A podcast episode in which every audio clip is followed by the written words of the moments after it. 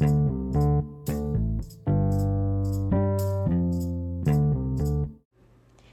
a chroeso i Learn Welsh. In this podcast, we're going to be going over the key sentence patterns, part two for gwyliau.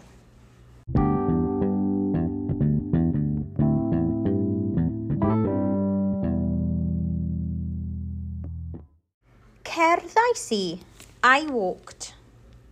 Grandawais i, I listened. Bwyton ni, we ate. Chwaraeon ni, we played. Prynon ni, we bought. Roedd hi'n, it was. Roedd y tywydd yn, the weather was. Then conditional, hoffwn ni fynd, we would like to go. Hoffwn i fynd, I would like to go. Repeat after me. Cerddais i.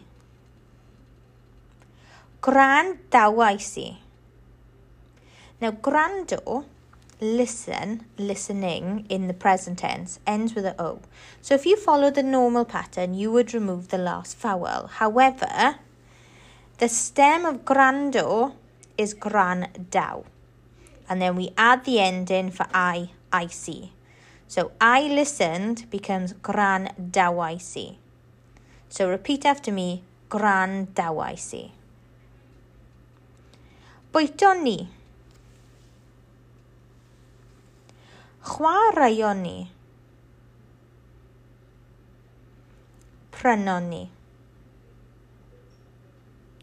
Roedd hi'n. Roedd y tawydd yn.